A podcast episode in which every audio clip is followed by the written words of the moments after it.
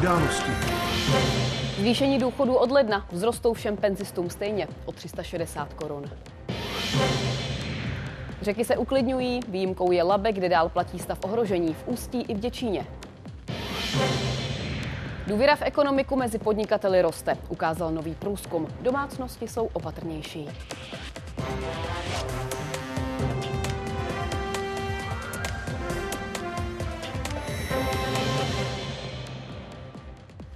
27. prosinec v událostech. Vítejte. Za celou redakci dobrý večer. Stát od ledna znovu zvýší důchody. Tentokrát všem stejně. Penzisté budou dostávat 360 korun měsíčně navíc. Průměrný důchod tak přesáhne 20 600. Obě opoziční hnutí ve sněmovně předložila návrhy na další růst, protože valorizaci považují za nedostatečnou. Vláda argumentuje tím, že si víc zadlužená země nemůže dovolit. Vždycky ten růst důchodů je nad růstem cen. To znamená, životní úroveň našich důchodců je tou valorizací opravdu eh, zajištěna dostatečně. Eh, to znamená, pokud nám přestala růst inflace, za co jsme rádi, tak se to odrazilo v tom, že vlastně není tam ten růst té zásluhové části důchodů. Hned na začátku nového roku bude o penzích rozhodovat ústavní soud. Hnutí ANO totiž napadlo jejich letošní červnové navyšování, které vláda přibrzdila.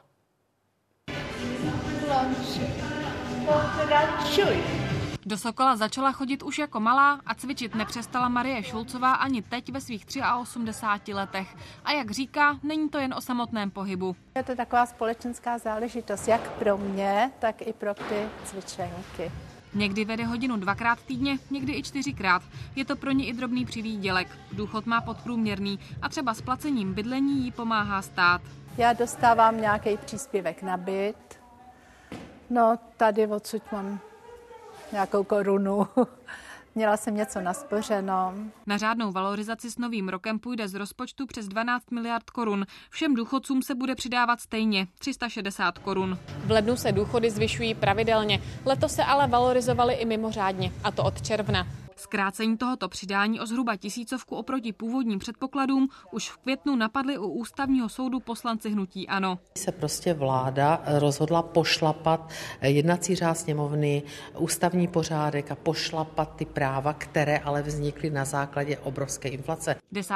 ledna se i ona chystá na jednání ústavního soudu. Ten si jako svědky předvolal taky ministry financí a práce a sociálních věcí. Kdybychom tento krok neudělali, tak by to znamenalo opravdu významné výdaje státního rozpočtu v budoucnu. To není mimořádný výdaj, který by se nepromítal do dalších valorizací. A v tom byl největší problém. To nebyl ani problém roku 2023, ale zejména všech následujících let. Zástupci vládní koalice věří, že u ústavního soudu uspějí.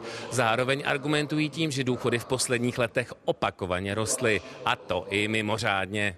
Ještě na konci roku 2021 byl průměrný důchod 15 425 korun. V porovnání s lednem 2024 tak vzrostl o víc než 5200. Musíme tady zohledňovat i nějakou mezigenerační solidaritu. Ten rozpočet není nafukující se. Ten důchod 20 tisíc, eh, téměř 700 korun průměrný, eh, vlastně je částka, která nějak nereflektuje to, že naopak reálné mzdy často lidem klesly. My už teď jako stát si desítky miliard půjčujeme na to, abychom mohli vůbec se vyplatit důchody. Sněmovní opozice ale trvá na tom, že kabinet má zvyšovat důchody rychleji. Zvlášť eh, důchodci, které nežijou v páru, tak mají velké problémy zaplatit energie, které jsou dneska, mm, jejich ceny jsou obrovské. V příštím roce by měla klesnout inflace ke 3%.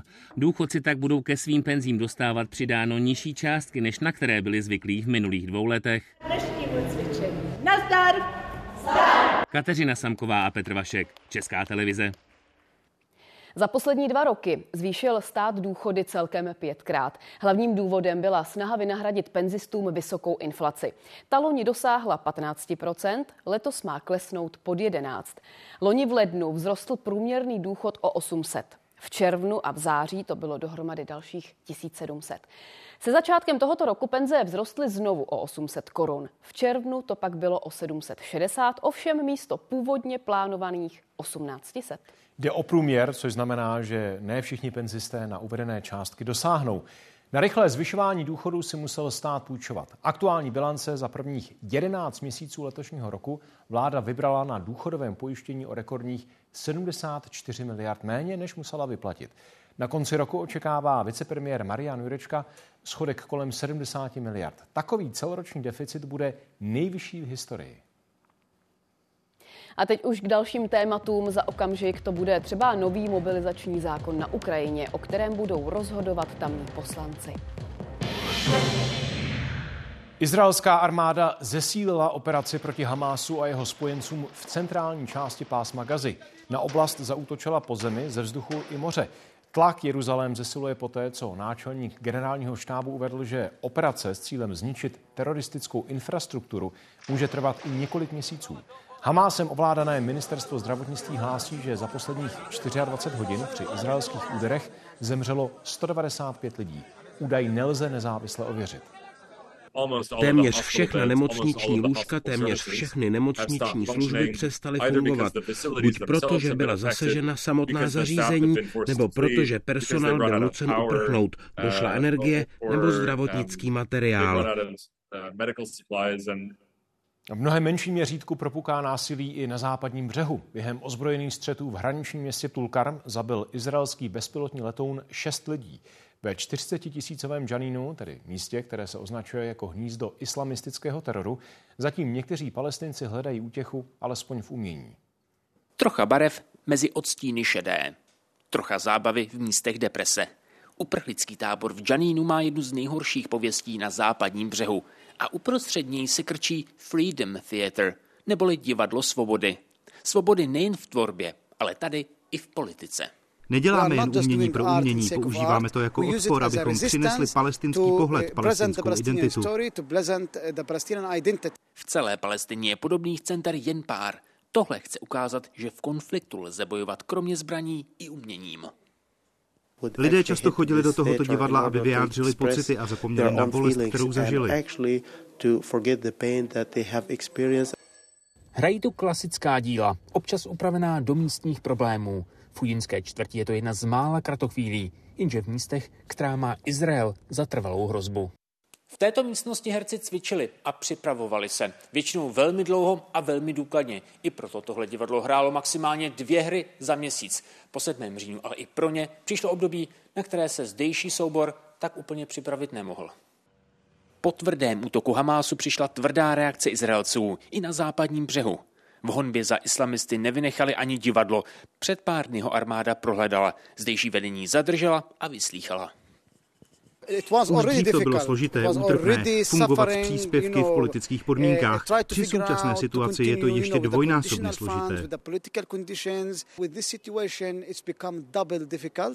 Divadla se zastali třeba britští umělci. Izrael ale své kroky hájí. Město je ostatně působištěm Hamásu i islámského džihádu. A v tom všem tenhle nyní pozastavený soubor. V místech, kde se 15 let hrály komedie a jen okus dál, mnohdy bez kulis, probíhaly tragédie. Jan Šilhan, Česká televize, Janín. Na šesti místech v Česku stále platí třetí povodňový stupeň. Jde hlavně o místa na řece Laby. Právě její dolní tok zůstává rizikový. Hladina tam totiž na rozdíl od většiny ostatních řek nadále stoupá. Kulminovat by měla během zítřejšího večera. Další detaily doplní Milan Danda. Milane, jak rychle Labe v Ústí stoupá? Ta hladina se zvedá v současné chvíli velmi pomalu. Aktuálně má tady Labe 637 cm, ráno to bylo 630 cm. Ta hladina by se měla přestat zvedat během zítřejšího večera, maximum by tady mělo být nějakých 650 cm. Město tak pravděpodobně ani nepostaví protipovodňové stěny. Voda ale i tak komplikuje životy místních, především tedy řidičů. Přesně v těchto místech se voda dostala do proti povodňové vany zaplavila část ulice Přístavní, což je hlavní tah na Děčín. Několik řidičů se i přes zákaz pokusilo místem projet, ale všechny je potom museli vytahovat hasiči. Na ostatních tocích ale už kulminace nastala, hladiny řek začínají pozvolna klesat a lidé už tam taky sčítají první škody. Chatová osada Hrobice na Pardubicku včera ze záběrů tamních hasičů. Evakuovat museli pět lidí. Od včerejšího večera klesla voda jen o 20 cm. Stále je tak hladina nedalekého Labe vyšší o 4 metry. Tohle je zase včerejší záběr na cyklostezku v obci Dříteč. Dnes už na většině z ní voda není. Vidíte zbytky klád, jak to voda přemlela a odnesla nám vlastně mlatový povrch. Působila škody za nejméně desítky tisíc korun. Podle hasičů jde o nejnáročnější situaci o Vánocích za posledních minimálně deset let. Celkem jsme za ty tři dny zasahovali téměř u tří stovek zásahů. Karlovarský kraj. Tady velkou vodu řešili v několika obcích. Třeba v Mírové u Chodova se místní potok rozvodnil už 22. prosince. Nejzasaženějším domem při povodních tady v Mírové na Karlovarsku byl tento rodinný dům s tříčlenou rodinou. Tak to tady máme. Plný kontejner bordelu baráku. Voda zatopila celé přízemí, obývací pokoj, kuchyni, koupelnu. Až teď se majitelům ukázal rozsah škod. Vánoce tak strávili u příbuzných. Co máme zničený podlahu v obejváku, vystřelenou koberce, ledničky. Kácov ve středočeském kraji. Nejvíc zasažená byla chatová oblast. Během dne začala klesat i Sázava, která v předchozích dnech ve středních Čechách dosáhla třetího povodňového stupně. A voda se dostala až do této výše a zaplavila sklepy. Tohle je jedna z cest mezi chatami. V pondělí v noci, v úterý přes den a dnes dopoledne. Voda pomalu klesá. Někteří majitelé se tak už ke svým domům dostanou. Třeba Václav Smítka. To je první náhled do sklepa. No, hezká spoušť. Ze sklepa stihl vystihovat ty nejdůležitější věci. Do dneška čekal, až voda opadne, aby se podíval, v jakém stavu dům zůstal. Redakce a Pavla Kubálková, Česká televize. Po šesti měsících bouřlivé diskuse předložila ukrajinská vláda parlamentu nový zákon o mobilizaci. Mimo jiné snižuje odvodový věk pro muže ze 27 na 25 let. Na své vůbec první tiskové konferenci od začátku ruské agrese ocenil nejvyšší velitel ukrajinské armády zahraniční pomoc ve výši 38 miliard eur. Kritizoval naopak neúčinnost domácího systému vojenských odvodů. V současnosti nejsem spokojený s tím, jak pracují odvodové komise. Neřešili bychom nový návrh zákona o mobilizaci, pokud by tomu bylo opačně. Чесно сказати, роботою їхньою я поки що не задоволений. Поки що не задоволений, і відповідно, якби я був би її задоволений, ми б зараз не, не обговорювали саме питання цього законопроекту. Ukrajinský prezident Volodymyr Zelenský už minulý týden uvedl, že armádní vedení žádá mobilizaci dalšího až půl milionu lidí. Návrh zákona teď proberou poslanci. Mobilizace je na Ukrajině často diskutovaným tématem. Armáda je zároveň co do počtu vojáků oproti ruským silám často v nevýhodě. Vojáci navíc požadují častější rotace. I to by mohl zohledňovat nový návrh zákona.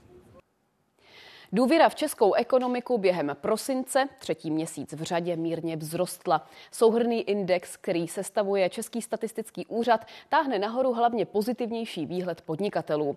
Spotřebitelé zůstávají i přes klesající inflaci skeptičtější. Vyrábí zařízení třeba na ohřev vody, vytápění nebo chlazení. Firma se letos potýkala s různými problémy. V první polovině roku řešila nedostatek materiálů, v druhé klesající poptávku. Věříme, že eh, v roce 2024 tak i díky dotacím eh, a novému programu Nová zelená úsporám tak eh, dojde opět ke zvýšení poptávky. Ty předpoklady jsou spíš v druhé polovině roku, že dojde ke zlepšení. Právě v průmyslu se důvěra v ekonomiku zvýšila. Rostla také ve vybraných službách a v obchodě. Naopak ve stavebnictví klesla. Právě tomuto odvětví se totiž nedaří. Propad vnímá i tato firma. Tržby se jí letos snížily o 10 až 15% To může vypadat, že to není až tak hrozné, ale dva roky zpátky sečteno, potrženo v jednotkách, to je opravdu jako velký problém. Těšíme se všichni na to, že inflace klesne natolik, aby mohly dále klesat úrokové sazby, protože bez nízkých hypoték, v zásadě se to stavebnictví nemůže vůbec e, rozjet.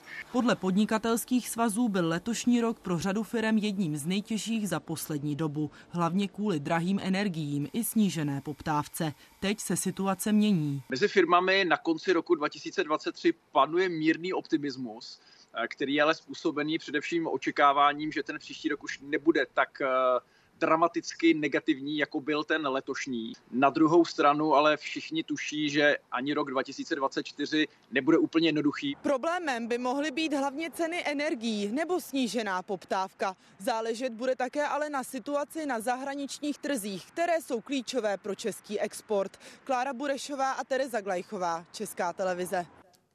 Spojené státy znepokojila nejnovější zpráva Mezinárodní agentury pro atomovou energii. Podle ní se Irán vrátil k plné rychlosti obohacování uranu. V současné chvíli má tolik radioaktivního materiálu, že by po dalším odstředění stačil na tři jaderné bomby. Znepokojivá zpráva odhalila, že Irán v posledních měsících značně zrychlil proces obohacování uranu. Od současných 60% je technicky už jen malý krok k dosažení zbrojní kvality 90% ryzosti.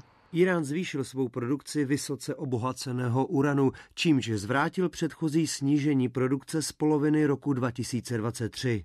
Podle Mezinárodní agentury inspektoři až trojnásobné zrychlení výroby pozorují od konce listopadu v iránských podzemních zařízeních Natanz a Fordo. Už v září přitom Teherán odmítl prodloužit akreditaci celé třetině pracovníků agentury. Irán zvýšil svou produkci vysoce uh, obohaceného uranu, čímž zvrátil uh, předchozí snížení produkce z poloviny roku 2023. Agentura je podle svého ředitele i tak schopná množství zásob iránského uranu přesně určit. Teherán kromě toho obohacování na 60% sám potvrdil. Neudělali jsme nic nového a vykonáváme stále stejné činnosti v souladu s pravidly.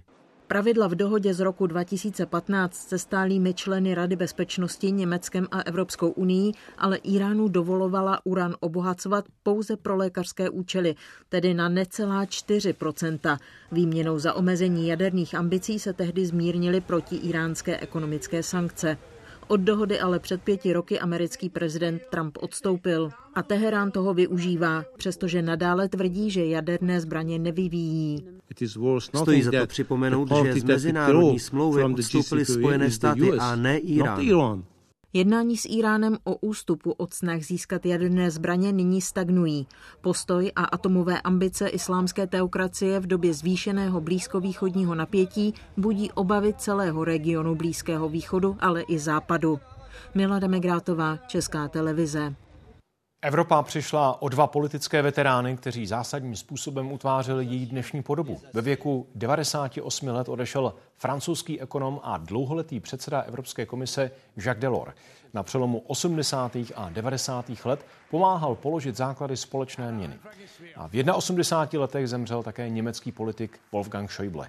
Přes svůj handicap působil přes půl století ve spolkovém sněmu. Jako západoněmecký ministr vnitra se zasloužil o sjednocení Německa.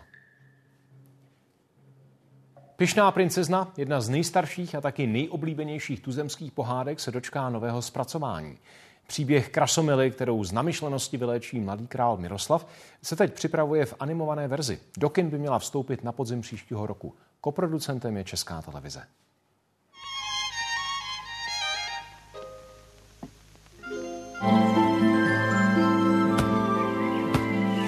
Krasomila a Miroslav po víc než 70 letech. Teď jako 3D postavičky v pastelových barvách.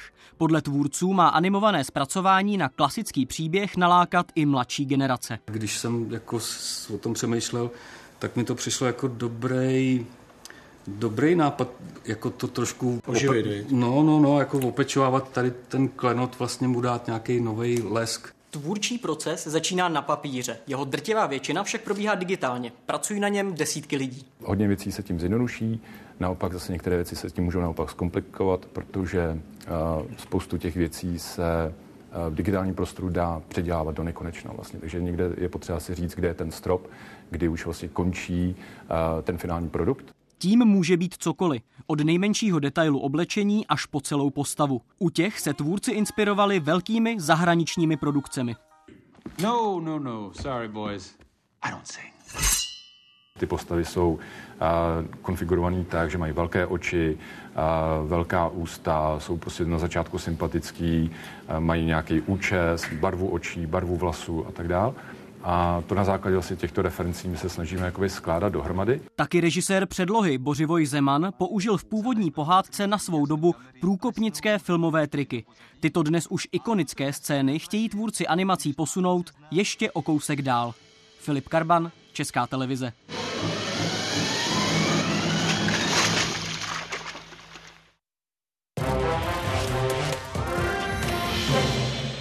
Táborském babyboxu našli chlapce. Jeho údajná matka ho ale chce teď zpátky. Podrobnosti přineseme v reportáži. Startují povánoční výprodeje a výměny nevhodných dárků. Co lidé nejčastěji vrací, téma na půl osmou.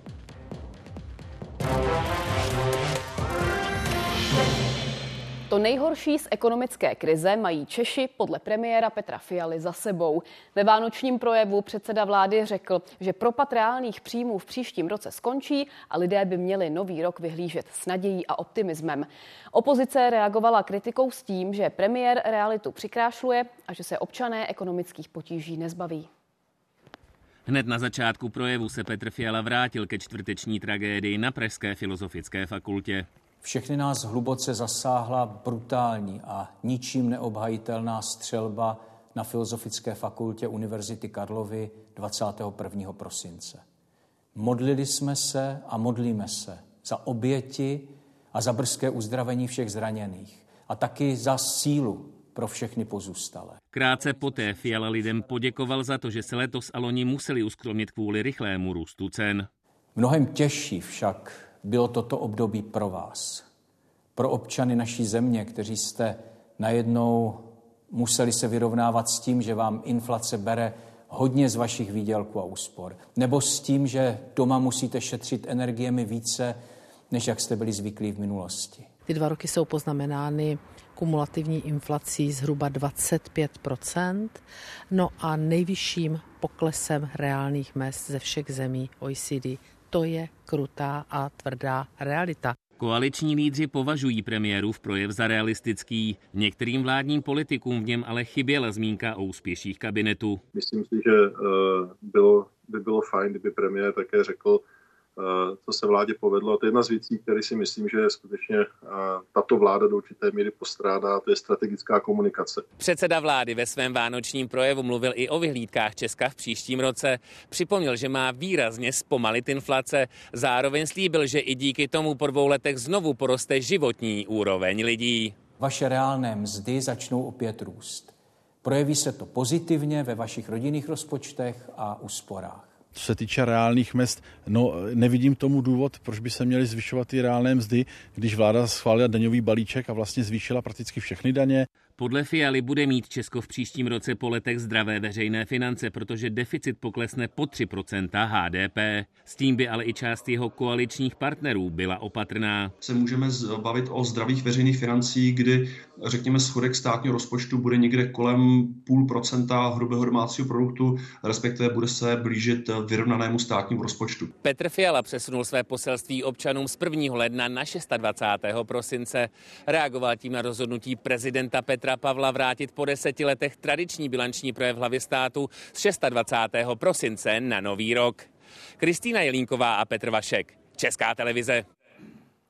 Soudy mají na stole nejméně nevyřízených případů za posledních 15 let.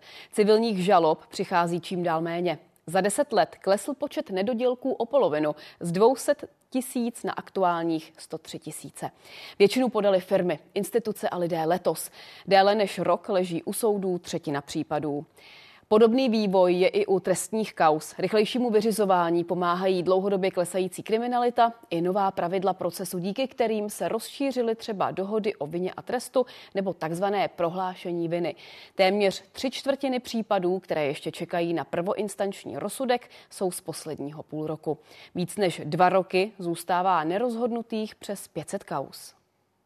Sedm let a pět měsíců trvalo justici, než došla k pravomocnému rozhodnutí v případu bývalého premiéra Petra Nečase a odsoudila ho za korupci. Tak stává se takhle v řízeních, není to nic neobvyklého. To, že rozsudek přišel až 11 let po uplacení tehdejších poslanců ODS, mělo vliv i na výši trestu. Petr Nečas ani jeho žena Jana do vězení nemusí. Soud před týdnem potvrdil podmínky a pokuty. A myslíme si, že kdyby tresty skutečně byly ukládány před pár lety, že by z naší strany bylo navrhováno daleko přísnější ocenění trestné činnosti obviněných. Zatím jen nepravomocné rozhodnutí letos padlo i v dalším extrémně dlouhém případu. Po šesti letech od podání obžaloby si vyslechli tresty exmanažeři Mostecké uhelné společnosti za privatizaci z přelomu tisíciletí. Ve Švýcarsku byli přitom odsouzeni do vězení už před deseti lety jsem tam chtěl nastoupit, ale moje duše mě tam nepustila. V podstatě jsem cítil, že pokud bych neprošel touto očistou nebo celým tím procesem až do konce, tak by to bylo, bylo špatně. Většinu případů ale soudy rozhodnou výrazně rychleji. Ty okresní řeší trestní kauzy průměrně půl roku. Závažnější případy trvají krajským soudům obvykle necelý rok a půl. Ještě o tři měsíce rychlejší jsou průměrně správní spory, ve kterých se lidé brání proti rozhodnutí úřadů nebo třeba zdravotních pojišťoven. Na stole mám asi tři spisy, ty musím napsat, ty, ty rozsudky a ve skříni to, co čeká, to, co si musím vzít, mám asi 20 spisů. Což je teda situace, která je lepší, než bývala. Celkově je nevyřízených správních sporů dvakrát méně než před třemi lety. Žalob ubylo a ministerstvo spravedlnosti tyto dříve nejpomalejší části justice dlouhodobě doplňovalo o nové soudce. I v jiných senátech ta situace je většinou taková, že většina senátů začíná soudit věci, které napadnou v tom roce, což by měl být takový nějaký standard. Pro správní soudce teď budou největší výzvou spory podle nového stavebního zákona, který u některých staveb začne fungovat už od ledna. Pavel Šetr, Česká televize. Lidé z ostravské hutí Liberty stále počítají s tím, že se po novém roce vrátí do práce a obnoví se výroba. Týden po odpojení většiny dodávek energií chodí do podniku ze 6 tisíc zaměstnanců jen zlomek z nich. Dohlíží na nouzový režim. Hutě Liberty dluží firmě Tamech za dodávky energií 2 miliardy korun. Ticho. V areálu hutě Liberty je poprvé od jejího zprovoznění v 50. letech. Poprvé není slyšet válcování plechu, ani vidět žádný kouř. Vevnitř je to až, řekl bych, děsivé katastrofické ticho, na které tady nejsme zvyklí, eh, které vlastně provází tu celou odstávku této firmy. Eh, jediné, co momentálně pořád se udržuje, tak to je vysoká pec a koksovna. Branami hutě dnes prošli jen zaměstnanci, kteří dohlíží na to, aby nedošlo k havárii. I jejich budoucnost ale zůstává nejistá. Já musím doufat, já bych se musel zabít, když jsem zavřel tři šachty. Teď ještě zavřu NHčko, by mě zastřelili za vlastní zradu. Podle plánů vedení by se do práce měli všichni vrátit 3. ledna. Jestli budou moct i hned začít vyrábět, záleží ale na tom, zda se huti podaří dohodnout s dodavatelem energií. Určitě je to možné, že zaměstnanci přijdou a my jim budeme muset říct, že půjdou domů, protože v té chvíli ještě nebudeme mít žádný závěr s Tamehem. Problémem společnosti Liberty Ostrava není Tamech, ale odeslaných 7 miliard do ostatních firm v rámci Liberty Steel. Kdyby se toto nestalo, tak eh, Liberty má dostatek peněz na splacení dvou miliardového dluhu pro Tamech a Tamech může dál vyrábět energie pro Liberty Ostrava. Úplné ukončení provozu v Hutě by neovlivnilo jen jejich 6 tisíc zaměstnanců. Vážou se na ně totiž i další firmy. Podle odhadu odborníků je v ohrožení i více než 30 tisíc pracovních míst. Jana Drápelová, Česká televize Ostrava. Ministr vnitra Vít Rakušan požádal dopisem starosty a starostky obcí, aby upustili od silvestrovských i novoročních ohňostrojů. K podobnému kroku by pak měli vyzvat i občany. Důvodem jsou podle vicepremiéra nedávné šokující násilné činy spojené se střelbou. Do babyboxu v táboře někdo na druhý svátek Vánoční odložil chlapce. Je zdravý a dostal jméno Jan. Následně se ale ozvala žena, která tvrdí, že je jeho matkou a chce dítě zpět. Případem se budou zabývat sociální pracovníci. Krátce po třetí hodině odpoledne spustil Babybox v táborském domově pro seniory Alarm. V pravém horním rohu se objeví uh ta no, schránka babyboxu v případě, že je zatížená. Zdravotníkům se na monitoru ukázal odložený chlapec. V tu samou chvíli dostala zprávu na telefon i ředitelka G-centra Jana Svačinová. Právě po ní se zakladatel babyboxu Ludvík Hes rozhodl odložené dítě pojmenovat. Bylo sice zdravé, staré dva tři měsíce, ale na první pohled nebylo úplně v uvozovkách voňavé. Dítě si převzali záchranáři a odvezli ho do nemocnice. Neplakal, byl spokojený, kontaktní, usmíval se a zhruba tak asi 30 minut po odložení toho děťátka nás kontaktovala eh, pravděpodobná maminka, eh, která eh, chtěla děťátko vrátit zpátky. V tom ale nemocnice matce vyhovět nemohla. O návratu chlapce do rodiny teď rozhodne orgán sociálně právní ochrany dětí, který musí prověřit prostředí, ze kterého dítě přišlo. Maminka, která odloží děťátko do babyboxu, na něj nestrácí právní nárok a právní nárok na něj ztrácí teprve vynesením rozsudku o svěření dítěte do péče náhradních rodičů. K tomu ale nedojde, pokud se žena prokáže jako jeho matka a sociální pracovníci usoudí, že se k ní chlapec může v následujících dnech vrátit. Jan je dvoustým šedesátým dítětem odloženým v českých babyboxech. Za 18 let jejich fungování se rodiče pětkrát o dítě zpětně přihlásili. Minimálně tři novorozenci se do rodiny vrátili. Edita Kadlecová, Česká televize, Tábor. Začaly povánoční výprodeje. Řada e-shopů je spustila už 25. prosince, ve větších kamenných obchodech jsou od dneška. Pokračovat budou celý leden, někde ještě část února. Vzhledem k teplému podzimu mohou být letos výraznější než v předchozích letech. Obchodníci totiž potřebují vyprodat zimní kolekce. Slevy i vyšší desítky procent. Do ostravského nákupního centra je dnes přišla využít Kristýna Pavlasová. Sehnat chtěla hlavně oblečení. Jako viděla jsem na stránkách, že mají slevy, tak jsem prostě přišla se kouknout a mají tu jako hodně na výběr teďka, takže hodně věcí. Letos tady očekávají rekordní počet zlevněného zboží. Prodejci totiž kvůli teplému podzimu nestihli prodat sezónní oblečení za plnou cenu. Ze zkušenosti víme, že slevy se stupňují začínají na 15-20% a dosahují až 70%. Ale zase je třeba říct, že ten, kdo čeká na poslední chvíli na ty největší slevy riskuje, že nesežene svoji velikost. Na velký nápor se dnes připravili také v prodejně elektroniky v brněnském obchodním centru. Potom už to začíná slábnout v té první polovině ledna a někde kolem toho 15. už většinou se vracíme do takového standardního režimu. Ve slevě tady teď lidé kupují nejčastěji velké spotřebiče, televize nebo mobilní telefony. Přicházejí ale i pro drobnější zboží. Často využívají výprodeje potom zákazníci na to, aby ještě nakoupili nějaké doplňky k tomu, co dostali jako vánoční dárek, takže třeba pouzdra k telefonům a podobně. Pro příslušenství dnes přišel i Jan Držka, a to hned poté, co obchod otevřel. Přišel jsem si koupit eh, kabel k tomu, k monitoru, který jsem dostal k Vánocům jako dárek. Vysoké slevy přilákaly zákazníky také do centra Prahy. Někteří plánovali utratit i vyšší tisíce korun.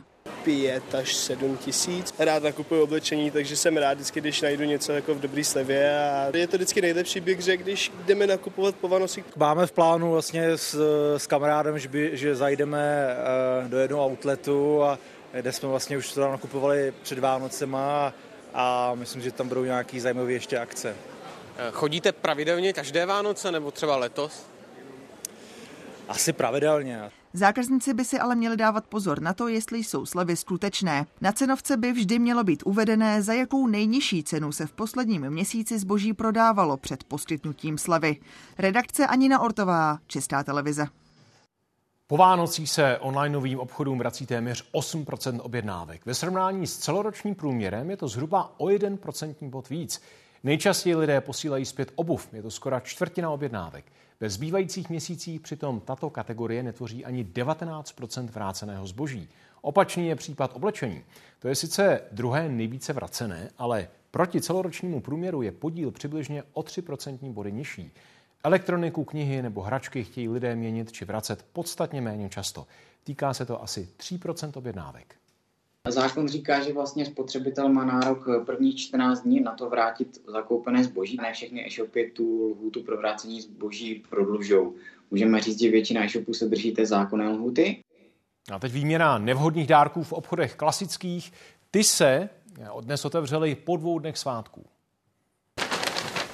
Dnes se dělá velikost? Dnes se dělá velikost. Mikinu koupil přes internet, vyměnit přišel už raději do kamenné prodejny. Nevhodný dárek pro přítelkyni, to Mikina, zvolil jsem nevhodnou velikost, takže jsem třeba mít za větší. A líbila se přítelkyni? Líbila, ale jenom velikost byla malá, takže snad to bude teďka už dobrý. 290. Víc než měnit zboží sem teď lidé ale chodí uplatňovat poukazy, které dostali pod stromeček. Mám poukázku, takže uh, si chci, přišel jsem si něco vybrat. Funkční kalhoty si chci pořídit. Této síti obchodů se sportovním vybavením zákazníkům nabídli prodlouženou lhůtu na vrácení zboží. Přesto lidé už od rána přicházeli nevhodné dárky vyměnit nebo vrátit. Několik e, málo kusů se už dokáže vrátit i před štědrým večerem, nicméně ten největší nápor opravdu začíná potom 27. Dárek to byl vhodný, akorát byla větší velikost, tak jsem vracel velikost, bohužel nebyla, ale byla tady možnost eh, vrátit recipročně oproti poukazu, který platí 4 roky a se to využiju příští sezóně. V e-shopech mají lidé možnost zboží do dvou týdnů vrátit bez udání důvodu. V kamenných prodejnách to ale neplatí. Setkáváme se ale s tím, že většina těch obchodníků si uvědomuje, že zavděčit se tím vánočním dárkem není nejsnažší disciplína, takže toto umožňují. Ale zase pozor, stejně jako i v případě těch e-shopů, které nabízejí tu lhutu třeba delší, tak si mohou stanovit ti podnikatelé zvláštní podmínky, například, že to zboží musí být vráceno v původním obale s cedulkami a podobně. Vrátit nebo vyměnit nelze výrobky upravené na přání zákazníka třeba s gravírováním. U některého typu zboží, například elektrických zubních kartáčků, to není možné z hygienických důvodů. Redakce Ajitka Fialková, Česká televize. A tolik ke slevám a nevhodným dárkům. Za chvíli pokračujeme například reportáží o tvůrci Eiffelovy věže a jeho výročí. Policie se zabývá už více než 60 případy, které souvisejí s reakcemi na útok v budově Filozofické fakulty Univerzity Karlovy. Jde třeba o schvalování teroru na sociálních sítích. U poloviny policisté znají totožnost konkrétních lidí. Během dopoledne zasedal taky krizový štáb, na kterém zástupci univerzity jednali o zpřístupnění budovy a dalších termínech, kdy umožní vyzvednutí věcí. Vyzvedávání osobních věcí bude pokračovat tady na adrese Celetná 13 v takzvaném UK Pointu od 4. ledna do konce měsíce. Lidé si budou moct své věci vyzvednout každé úterý a čtvrtek. Předsednictvo České konference rektorů v prohlášení uvedlo, že tragédie má značný dopad na psychický stav a pocit bezpečí studentů a pracovníků škol. Krizový štáb bude zasedat i v následujících dnech. Na pomoc obětem střelby v centru Prahy a v Klánovickém lese poslali lidé už přes 60 milionů korun. Největší mimoškolní sbírka peníze předá přímo fakultě. Oni budou uh, ty finance distribuovat vlastně uh, kterýmkoliv obětem, ať už se jedná o ty rodiny, nebo právě uh, studenty, nebo ti, co byli na místě při té tragédii a budou potřebovat nějakou psychologickou pomoc. Polský ministr kultury Bartoloměl Šienkiewicz vyhlásil nucenou finanční zprávu nad polskou státní televizí, rozhlasem a tiskovou agenturou. Své rozhodnutí označil za reakci na veto zákona o navýšení jejich rozpočtu. K tomu sáhl prezident Andřej Duda právě kvůli sporu o tři klíčová média. Jejich vedení vláda po bleskovém hlasování parlamentu odvolala před týdnem. Domov pro seniory Hvězda Zlín může pokračovat ve své činnosti. Krajský soud v Brně odložil rozhodnutí o odebrání registrace. 39 seniorů, kteří podle ředitelky v zařízení zůstali, se tak nemusí do konce roku vystěhovat, jak bylo původně v plánu. Matka Jiřího Králíka Božena nedávno oslavila 94. narozeniny. Vánoce jí ale narušila obava o osud domova, ve kterém už si zvykla. Já jsem jako tady spokojená velice, jsou tady půl roku, a neráda bych se stěhovala někam jinam. Toto aktuální usnesení Krajského soudu v Brně znamená, že ani po novém roce se pro Zlínskou hvězdu nic nemění. Dál může fungovat jako domov pro seniory. Důvodem zrušení registrace měl být dluh žalobce u České zprávy sociálního zabezpečení a nikoliv závažné nedostatky ve kvalitě nebo způsobu poskytování sociálních služeb. Za této situace soud považuje za vhodné, aby do rozhodnutí ve věci samé byla zachována možnost žalobce poskytovat sociální služby svým klientům v dosavadním rozsahu. Pro nás je to velké uklidnění a hlavně pro ty naše příbuzné, kteří tady jsou, že to běží tak, jak to do posud běželo. Zlínský kraj na podzim rozhodl o zrušení registrace ke konci roku. Hvězda s odvoláním k ministerstvu neuspěla a tak se obrátila na soud. Díky odkladu znovu požádá kraj o dotace. Je to dobrá zpráva, protože přece není možné, aby si eh, jako mohl někdo dovolit brát klienty jako rukojmí. Tohle to byla likvidace na zakázku.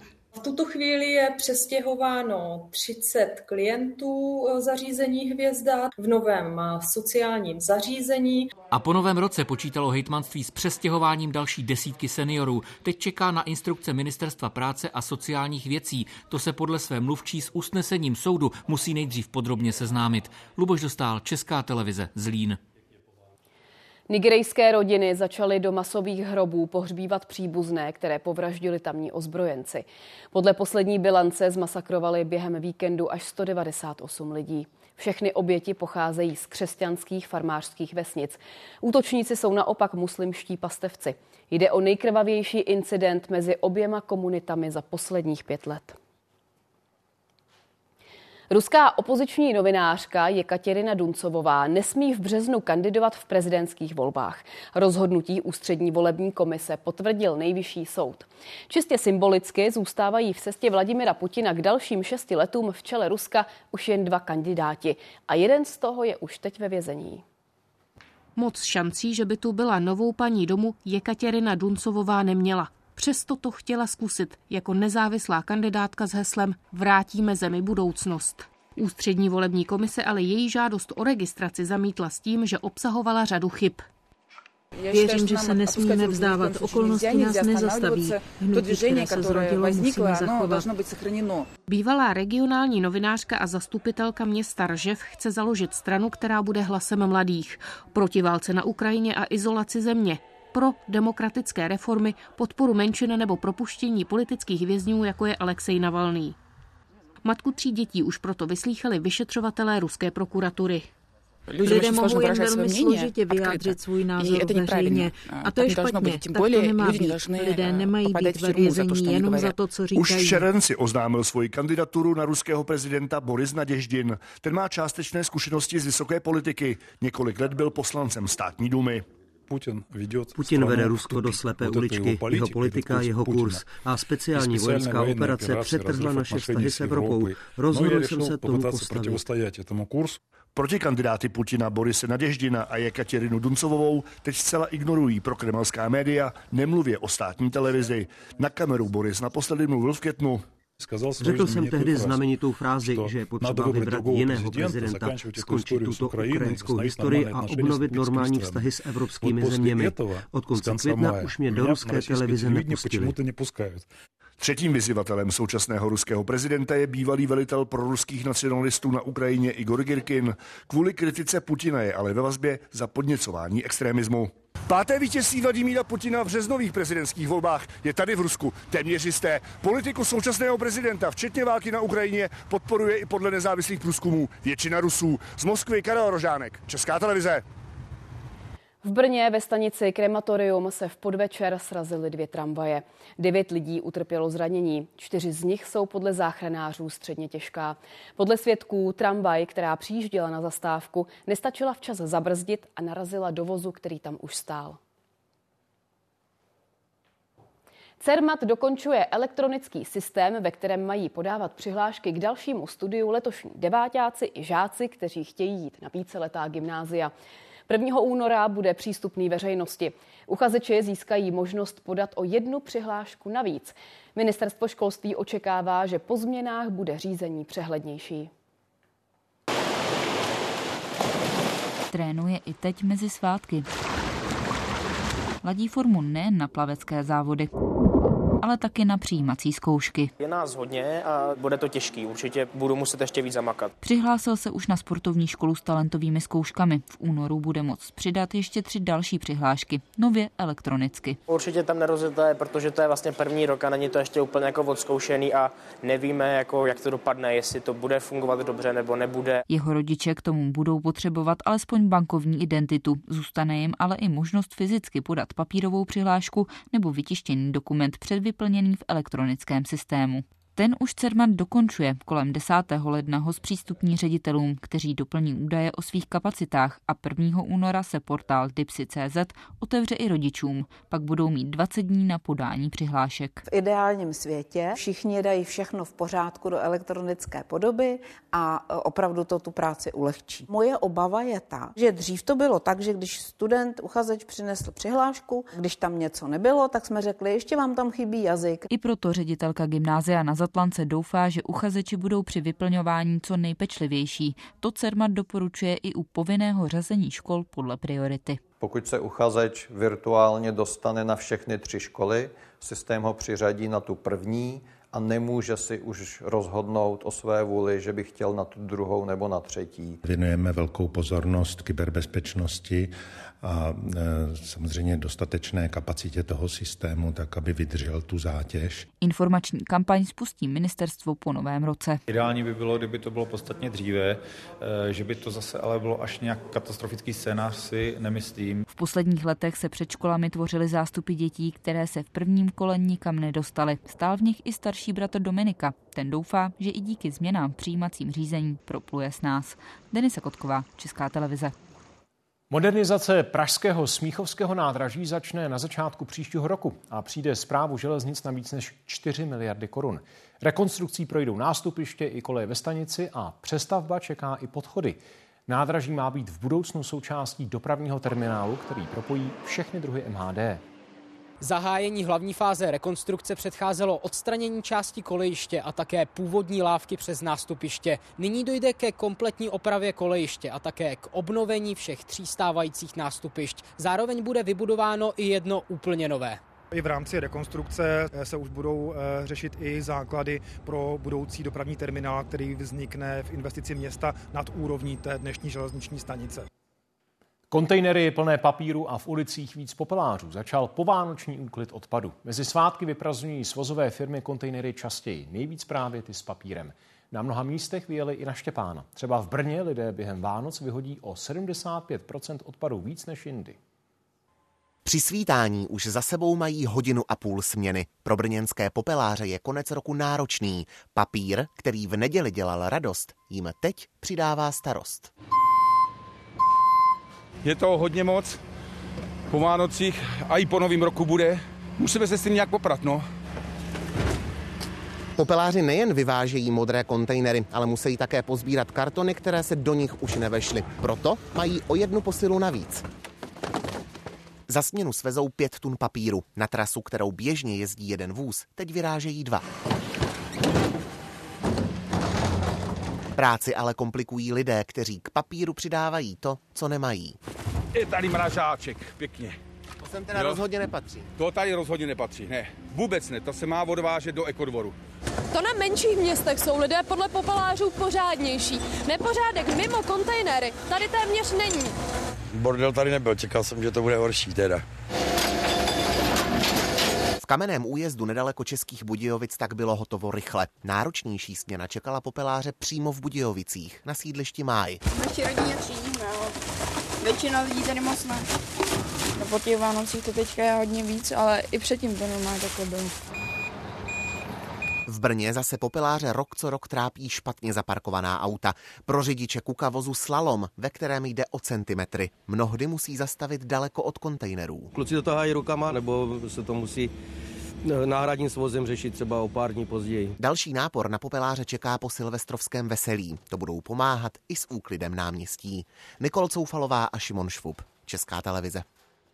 Dvojice disidentů Jiří Gruntorát a John Bok dostali od úřadu městské části Praha 1 napomenutí. Týká se jejich listopadového protestu před úřadem vlády. Necelých deset dní tam nocovali ve stanu a drželi hladovku. Podle městské části se dopustili nepovoleného záboru veřejného prostranství. Hladovkáři se chtějí proti rozhodnutí odvolat došlo k nějakému překročení pravidel eh, a pravidla platí pro každého, toho jsou si oba dva pánové vědomi, taky ta pravidla překračovaly pouho pouhé dva dny, takže je to skutečně jenom velmi marginální přestupek a proto se to řeší takhle jednoduchou formou. Na začátku protestu měli disidenti stany rozložené na chodníku, poté je přesunuli za zábrany, blíž k úřadu vlády. Já jsem ten, to, to rozhodnutí nebo usnesení a napomenutí bral trošku s humorem a evidentně, že se snaží, aby vlk se nažral, nebo vláda, tedy úřad se nažral a občan zůstal celý. Před Vánoci projevilo víc dobrovolníků zájem vstoupit do registru dárců kostní dřeně. Jejich hledání ale nikdy nekončí. Najít potřebnou schodu je mimořádně náročné. Kvůli vyššímu věku nebo nemocem navíc rok co rok stovky lidí databázy opouštějí. V Česku spolupracují dva registry. Transplantaci krvetvorných buněk pak potřebují třeba pacienti s leukémií nebo závažnou anémií. Časté modřiny. Tak popisuje matka dnes desetiletéAny první varovné příznaky. Krevní testy obavy potvrdili. Jsme měli u ní odběr kostní dřeně a to už nám oznámili, že ta kostní dřeň vypadá špatně a že tam bude potřebná transplantace. Nikdo z rodiny darovat nemohl kvůli nedostatečné schodě. Nakonec se našel dárce z Německa přes registr. Následovala transplantace a díky tomu mohli lékaři před pěti lety pustit Anu na Vánoce domů. Jsme mysleli, že jako rodina nebudeme trávit Vánoce spolu, že vlastně manžel zůstal se starší dcerou a já jsem byla s Aničkou celou dobu tady v nemocnici tak jsme byli, to byly asi nejlepší Vánoce. Dnes už dochází pouze na kontroly. To, že se dárce objevil rychle, bylo velké štěstí. Pravděpodobnost, že se člověk po vstupu do registru skutečně stane dárcem, je velmi malá. Maximálně 1%. Proto dobrovolníků není nikdy dost. Do databáze se může zapsat dospělý člověk do 35 nebo 40 let. Závisí na typu registru. Další kritéria jsou výborný zdravotní stav, neužívat dlouhodobě léky a vážit přes 50 kg. To, co je pro nás úplně nejdůležitější, jsou takzvané HLA znaky na bílých krvinkách. Eh, je to podobné, jako máme krevní skupiny na červených krvinkách, ale tady ten systém je daleko variabilnější. Je to, eh, jako byste hledala svoje genetické dvojče. V případě, že se dárce najde, šance na úspěch jsou vysoké.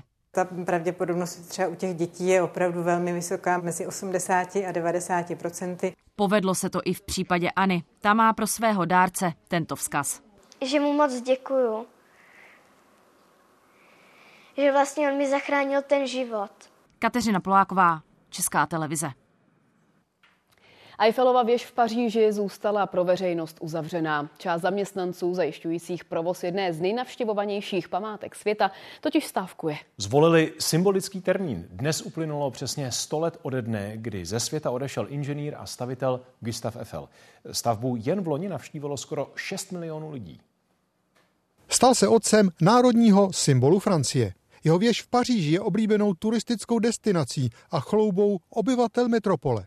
Na břehu Sény vyrostla v roce 1889 u příležitosti světové výstavy a jen ten rok ji navštívili na 2 miliony lidí. Euh, Byl devět let vdovcem, když přišla nabídka na světovou výstavu. Ve všech jeho životopisech se píše, že se jí původně nechtěl účastnit. Eiffelova věž měla být po 20 letech demontována. Zachránilo ji její využití pro radiotelegrafii a meteorologii.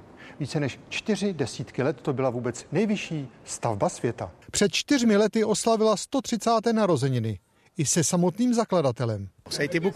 Stálo to hodně úsilí a byl to velký boj, ale jsem hrdý na tento monument, který stále stojí. Gustav Eiffel se zpočátku soustředil na stavbu mostů s originálními konstrukcemi. Pomohl také rozvoji obchodu a rychlejšímu cestování nejen ve Francii. Navrhl také kostru Sochy svobody a vytvořil její vnitřní strukturu. Svou dobu předběhl odvážným stylem. il va euh, arriver au moment où la révolution industrielle, l'essor des chemins de fer en Europe est, est, très fort, et il va bénéficier aussi de tout le savoir-faire constructif déjà euh, au point à son époque. Stavbu Eiffelovky se mu podařilo prosadit i díky tomu, že ji do značné míry sám financoval. Spoléhal, že se mu investice vrátí. Usiloval o to, aby věž nezbourali a hledal pro ní další využití. Části konstrukce se draží za velkého zájmu sběratelů z celého světa. Toto schodiště demontovali a rozdělili na několik částí. Jednu z nich máte před sebou. Další zůstala na místě jako vzpomínka, tam, kde je teď výtah. Gustav Eiffel zemřel v 91 letech a geniálním architektem zůstal až do konce svého života. Svou hrobku projektoval tak, aby vyčnívala z řady a bylo z ní vidět na Eiffelovku. Z Paříže Jan Šmíd, Česká televize. Zítra v událostech třeba o cenách pohoných hmot. Jak se změnily v poslední době a za kolik natankují řidiči z kraje příštího roku? A dál sledujeme taky hladiny řek, především na dolním toku Labe, kde by voda podle prognóz měla přestat stoupat. Tolik dnešní události. Děkujeme, že jste se dívali. A pojďme na sport. Čeští hokejoví junioři mají za sebou druhý zápas na mistrovství světa. Jak se jim proti Norům dařilo, prozradí Jan Smetana. Ano, odčinit porážku z úvodního zápasu proti Slovensku to byl dnes pro české mladíky úkol číslo jedna. No a to vyšlo, Jiří Kulich a Eduard Šalé zaznamenali oba hetrejka, nastartovali český tým k výhře 8-1. Detaily přidáme už za chvilku v brankách.